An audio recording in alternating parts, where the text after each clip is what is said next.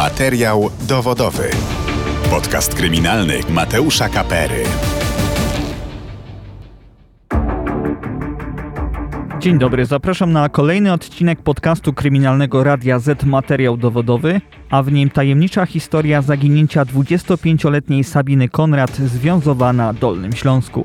Dziewczyna zniknęła dosłownie bez jakiegokolwiek śladu 1 sierpnia 2011 roku. Mimo upływu 12 lat od jej zaginięcia ani policja, ani rodzina nie mają żadnego pojęcia, co mogło stać się z 25-latką. To jedno z najbardziej tajemniczych i niezrozumiałych zaginięć. Szczegóły tej sprawy już za chwilę w naszym reportażu. Zanim do niego przejdziemy, przypomnę, że wszystkie odcinki podcastu dostępne są na kanale Radia Z w serwisie YouTube i na player radioz.pl, a także na platformach streamingowych Spotify, Apple Podcast i Google Podcast. Oceniajcie, komentujcie i zgłaszajcie nam sprawy, o których chcielibyście usłyszeć w kolejnych odcinkach. Każda Wasza reakcja, komentarz czy udostępnienie odcinka pomagają nam docierać do nowych słuchaczy.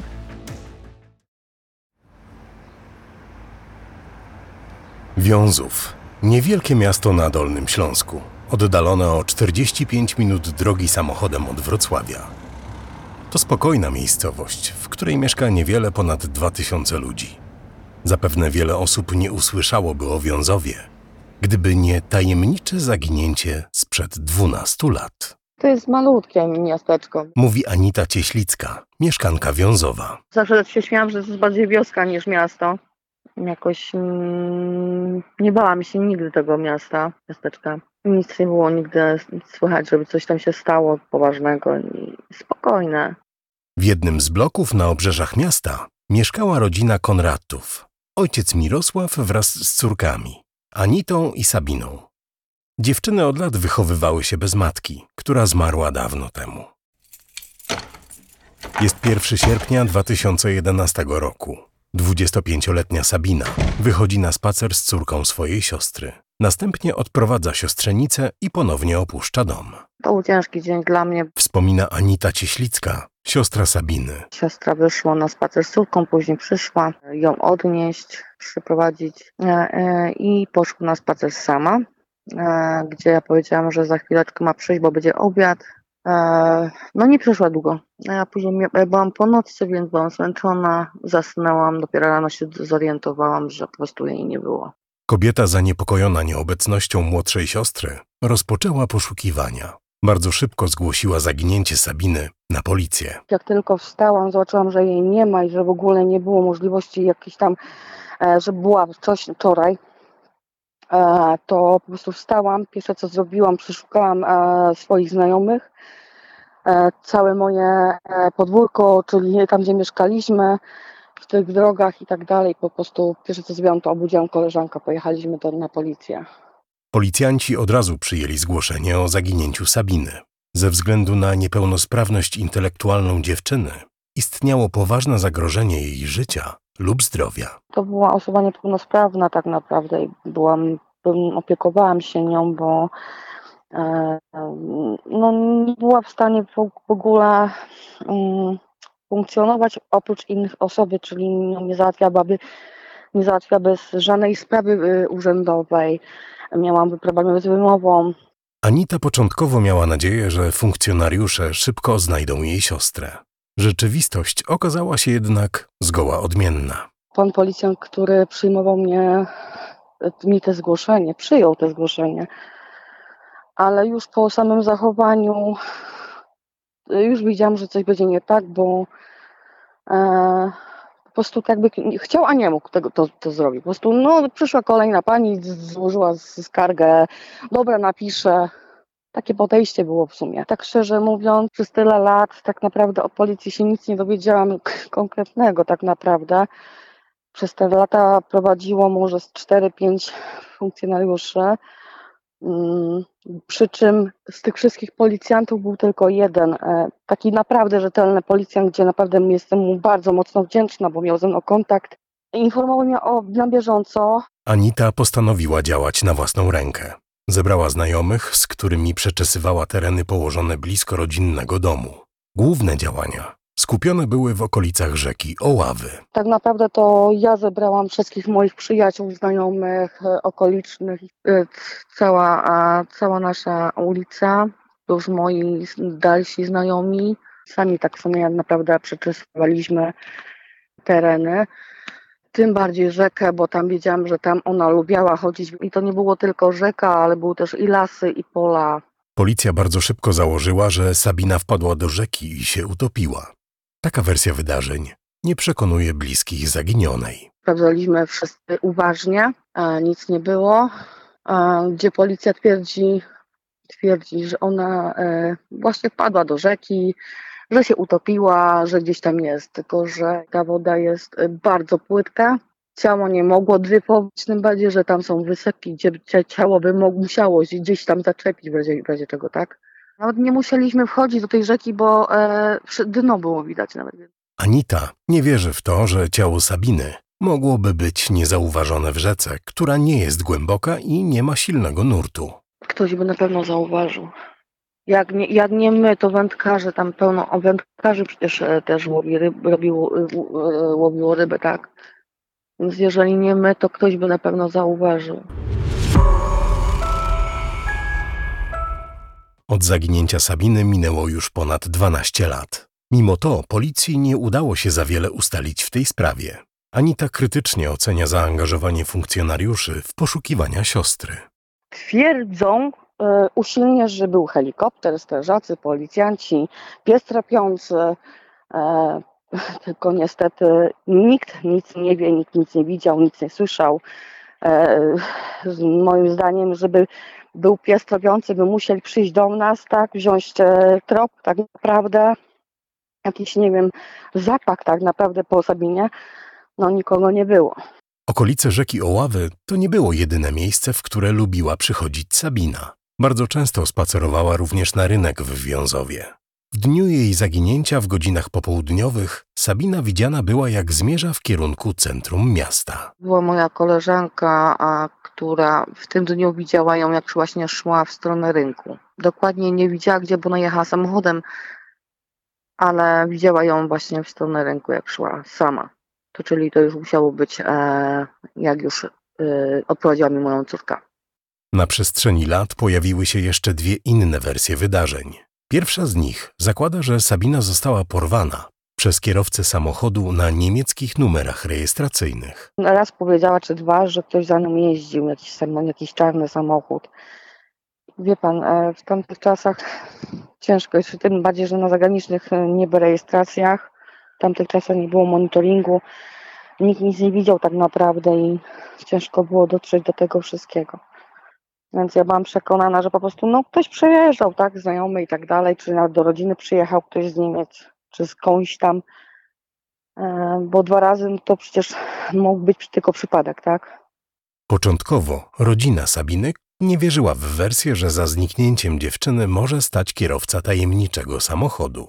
I mój tato tak samo stwierdził, że to mógł być po prostu przypadek, tak? Bo tam z tego co wiem, to była jakaś, jakiś mężczyzna, który sprowadzał czasami samochody zagraniczne, z zagranicy, więc myśleliśmy, że po prostu ktoś przyjechał e, i samochód gdzieś tam, ale no teraz tej, z tej perspektywy, którą jestem teraz, e, mogłoby coś być na rzeczy, tak? Tym bardziej, że w tamtych okolicach, e, w tamtym czasie było niedaleko też jakieś porwanie, tak? Porwanie, nie wiem, zaginięcie okolicach brzegu, jakoś tak. Więc to też by mogło być też powiązane. Policji nie udało się ustalić personaliów kierowcy ani odnaleźć samochodu.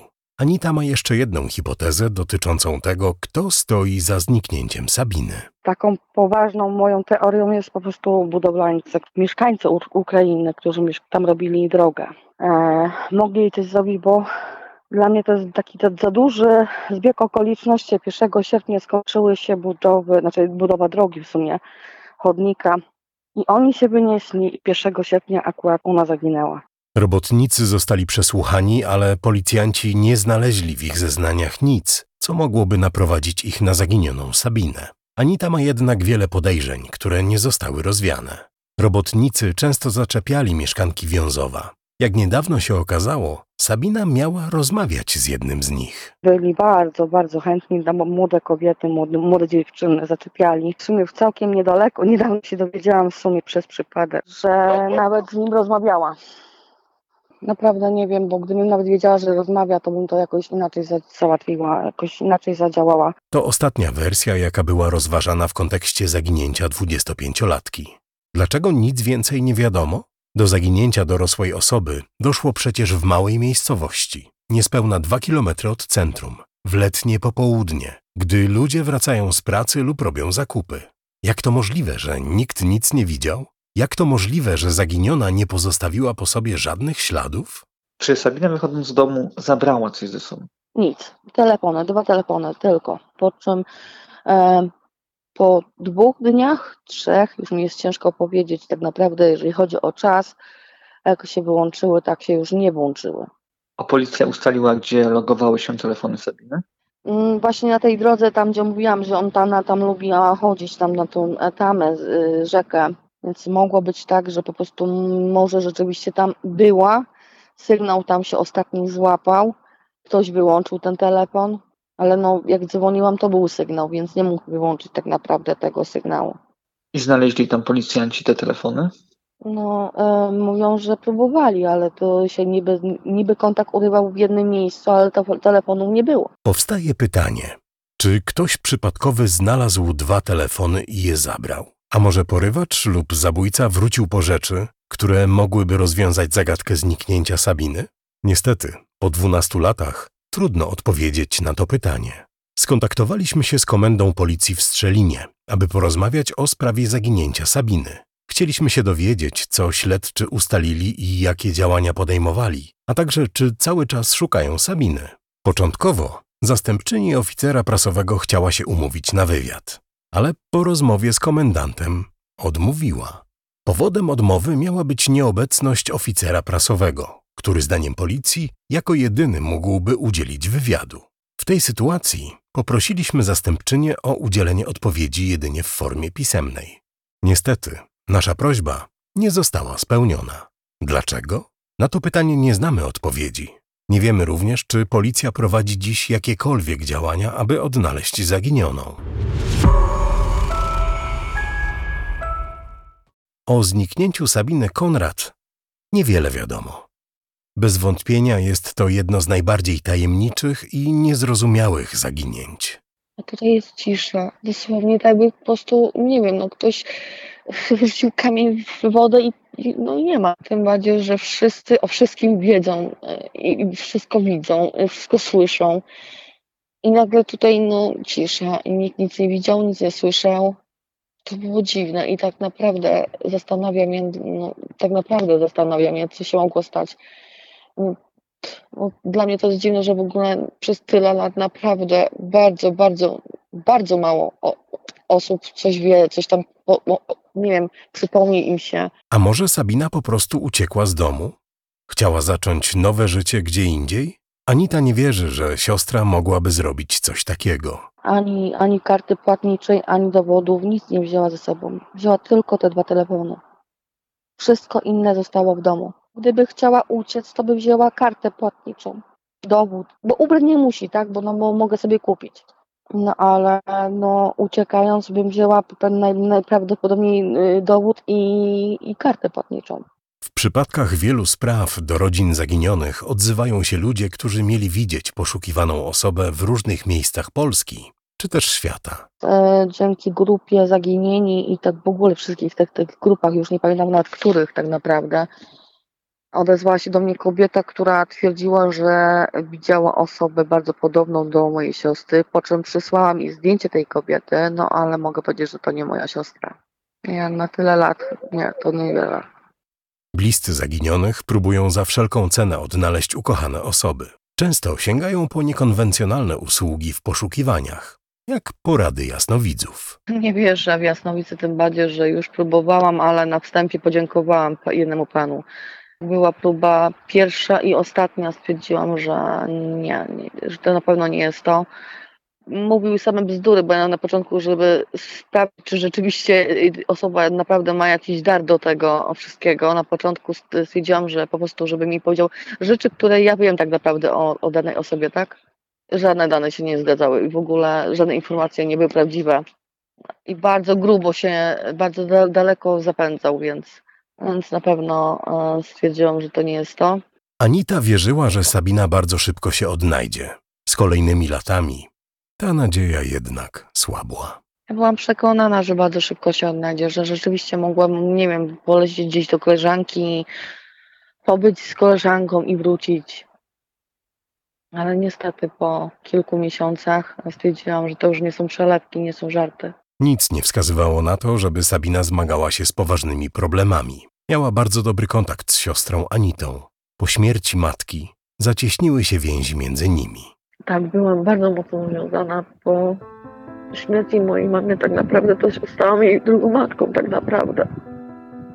Zrezygnowałam ze swojej młodości, żeby po prostu zabezpieczyć ją, żeby miała wszystko. Traktowała ją pani jak córkę? Dokładnie tak, córkę traktowałam.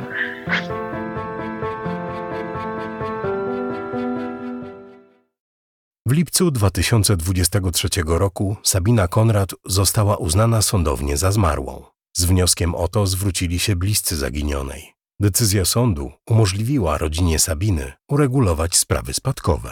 Tak, no musieliśmy, ponieważ e, była potrzeba e, zrzeczenia się testamentu i tak dalej, bo tam z rodziny ktoś umarł i wiem, że musiałam, e, bo blokowała tak naprawdę siostra, bo nie, nie było jej możliwości ją wykluczyć inaczej. I 4 lipca tego roku po prostu e, odbyła się rozprawa i sąd oznajmił ją za osobę zmarłą.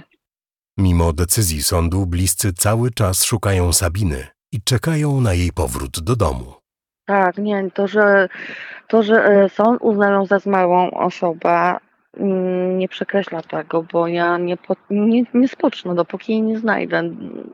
Żywej lub mm, martwej, po prostu ja muszę ją znaleźć i to jest tylko adnokatacja, a jeżeli się znajdzie, to bardzo szybko można ją e, cofnąć. Jak udało nam się ustalić, w przypadku gdy sąd uzna zaginioną osobę za zmarłą, policja ma prawo zakończyć poszukiwania. Prawo cywilne przewiduje tak, że osoba zaginiona może być uznana za zmarłego po upływie 10 lat od końca roku kalendarzowego, w którym e, według istniejących wiadomości jeszcze ta osoba żyła. Tłumaczy adwokat dr Bartosz Fieducik. I to jest taki podstawowy termin 10 lat. Natomiast to ma znaczenie, może mieć znaczenie w kontekście ewentualnych tutaj czynności prowadzonych przez policję, a więc poszukiwań takiej osoby, e, osoby mm, e, zaginionej, ponieważ e, no niestety, ale w zarządzeniu nr 48 komendanta głównego policji z 2018 roku wskazano bardzo precyzyjnie okoliczności, kiedy poszukiwania osoby zaginionej zostają z urzędu E, zakończone. I właśnie w punkcie ósmym tego zarządzenia e, wymieniono, że, że taką okolicznością, kiedy te poszukiwania zostają, zostają zakończone, jest uzyskanie informacji o uznaniu przez sąd osoby zaginionej za zmarłą lub po stwierdzeniu przez sąd zgonu tej osoby. E, więc to orzeczenie cywilne ma nie tylko, może mieć nie tylko skutki właśnie cywilnoprawne, ale również no, wprost tak wskazuje się, że E, z urzędu, wtedy policja takie postępowanie kończy. Policja nie odpowiedziała nam na pytanie, czy po decyzji sądu zakończyła poszukiwania Sabiny. O ostatnich działaniach poszukiwawczych śledczy informowali miesiąc przed rozprawą sądową. Wciąż jednak można odnaleźć Sabinę Konrad w policyjnej bazie zaginionych. Jedno jest pewne: niezależnie od działań policji lub ich braku, Anita nie ustaje w poszukiwaniu Sabiny. W jej sercu tli się nadzieja, że w końcu ujrzy ukochaną siostrę. Nadzieję nigdy nie tracę, chociaż powiem, że z, z roku na rok jest tak naprawdę mi jest ciężko ufać i wierzyć i mieć nadzieję, ale w dalszym ciągu jest taka maleńka iskierka nadziei, że rzeczywiście zjawi się ktoś albo ona sama w drzwiach i powiesz po prostu nie przepraszam.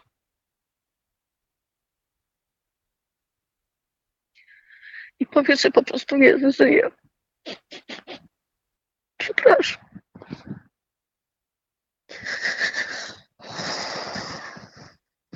Powrót do tamtych dni jest dla mnie za każdym razem tak samo bolesny, jak, jak, jak tamten dzień. Czyli pełny emocji, ja ciągle płaczę, wspominam. Oglądam zdjęcia i po prostu zastanawiam się, gdzie może być, czy jest po prostu bezpieczna, czy żyje. Anita wierzy, że Sabina żyje. Dlatego napisała do niej list. Do ciebie, moja Sabinko. Piszę ten list, który nie jest dla mnie łatwy. Siedzę już od kilku godzin i podchodzę do niego, chcąc przelać wszystko, co czuję, ale jest tego tak dużo, że nie wiem, od czego mam zacząć. Bardzo tęsknię za tobą i martwię się o ciebie. Nie ma dnia, abym nie myślała o tobie, o tym, gdzie jesteś, co robisz, czy jesteś bezpieczna, czy wszystko jest w porządku. Mam tyle myśli i pytań, że nie wiem, czy starczyłoby mi czasu na napisanie tych wszystkich rzeczy. Jeśli to przeczytasz, a mam taką nadzieję, to pamiętaj, że bardzo Cię kocham i zawsze, ale to zawsze możesz na mnie liczyć we wszystkim, cokolwiek by się nie działo. Chcę Ci powiedzieć, że przez te długie lata robiłam wszystko, aby Cię odnaleźć i obiecuję, nigdy się nie poddam. Kiedyś Ci powiedziałam, że nigdy Cię nie zostawię i będę się Tobą opiekować oraz zawsze będziesz dla mnie moją małą siostrzyczką. Każdego roku w dniu Twoich urodzin modlę się o Twoje odnalezienie. Święta zawsze Cię wspominam i wtedy łzy zalewają moją twarz. Dlaczego Ciebie tu z nami nie ma? Gdzie jesteś, kochanie? Co się stało? Tak bardzo brakuje mi naszych wspólnie spędzonych chwil, rozmów z Tobą, ale mocno wierzę, że jeszcze pójdziesz ze mną na spacer. Chcę Ci powiedzieć, że masz dwóch siostrzeńców, którzy na pewno Cię pokochają tak jak nasza Gabrysia.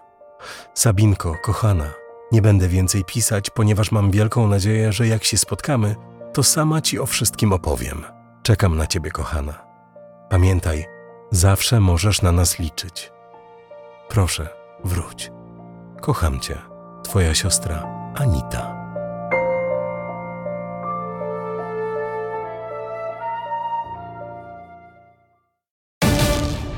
Materiał dowodowy. Podcast kryminalny Mateusza Kapery.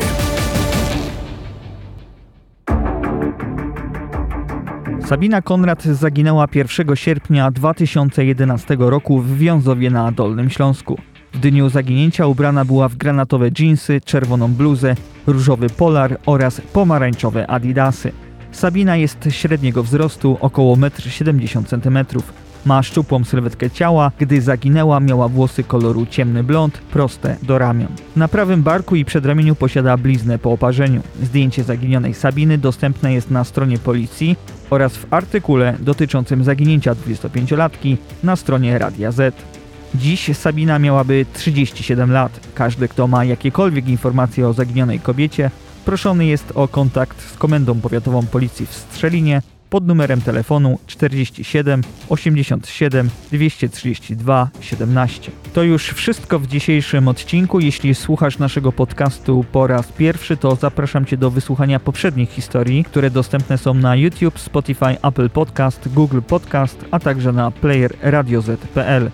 Ja się nazywam Mateusz Kapera, a to był podcast kryminalny Radia Z Materiał Dowodowy. Dziękuję za uwagę i do usłyszenia w kolejnym odcinku. Materiał dowodowy. Wszystkie odcinki naszego podcastu kryminalnego znajdziesz na player radioz.pl i na najważniejszych platformach streamingowych.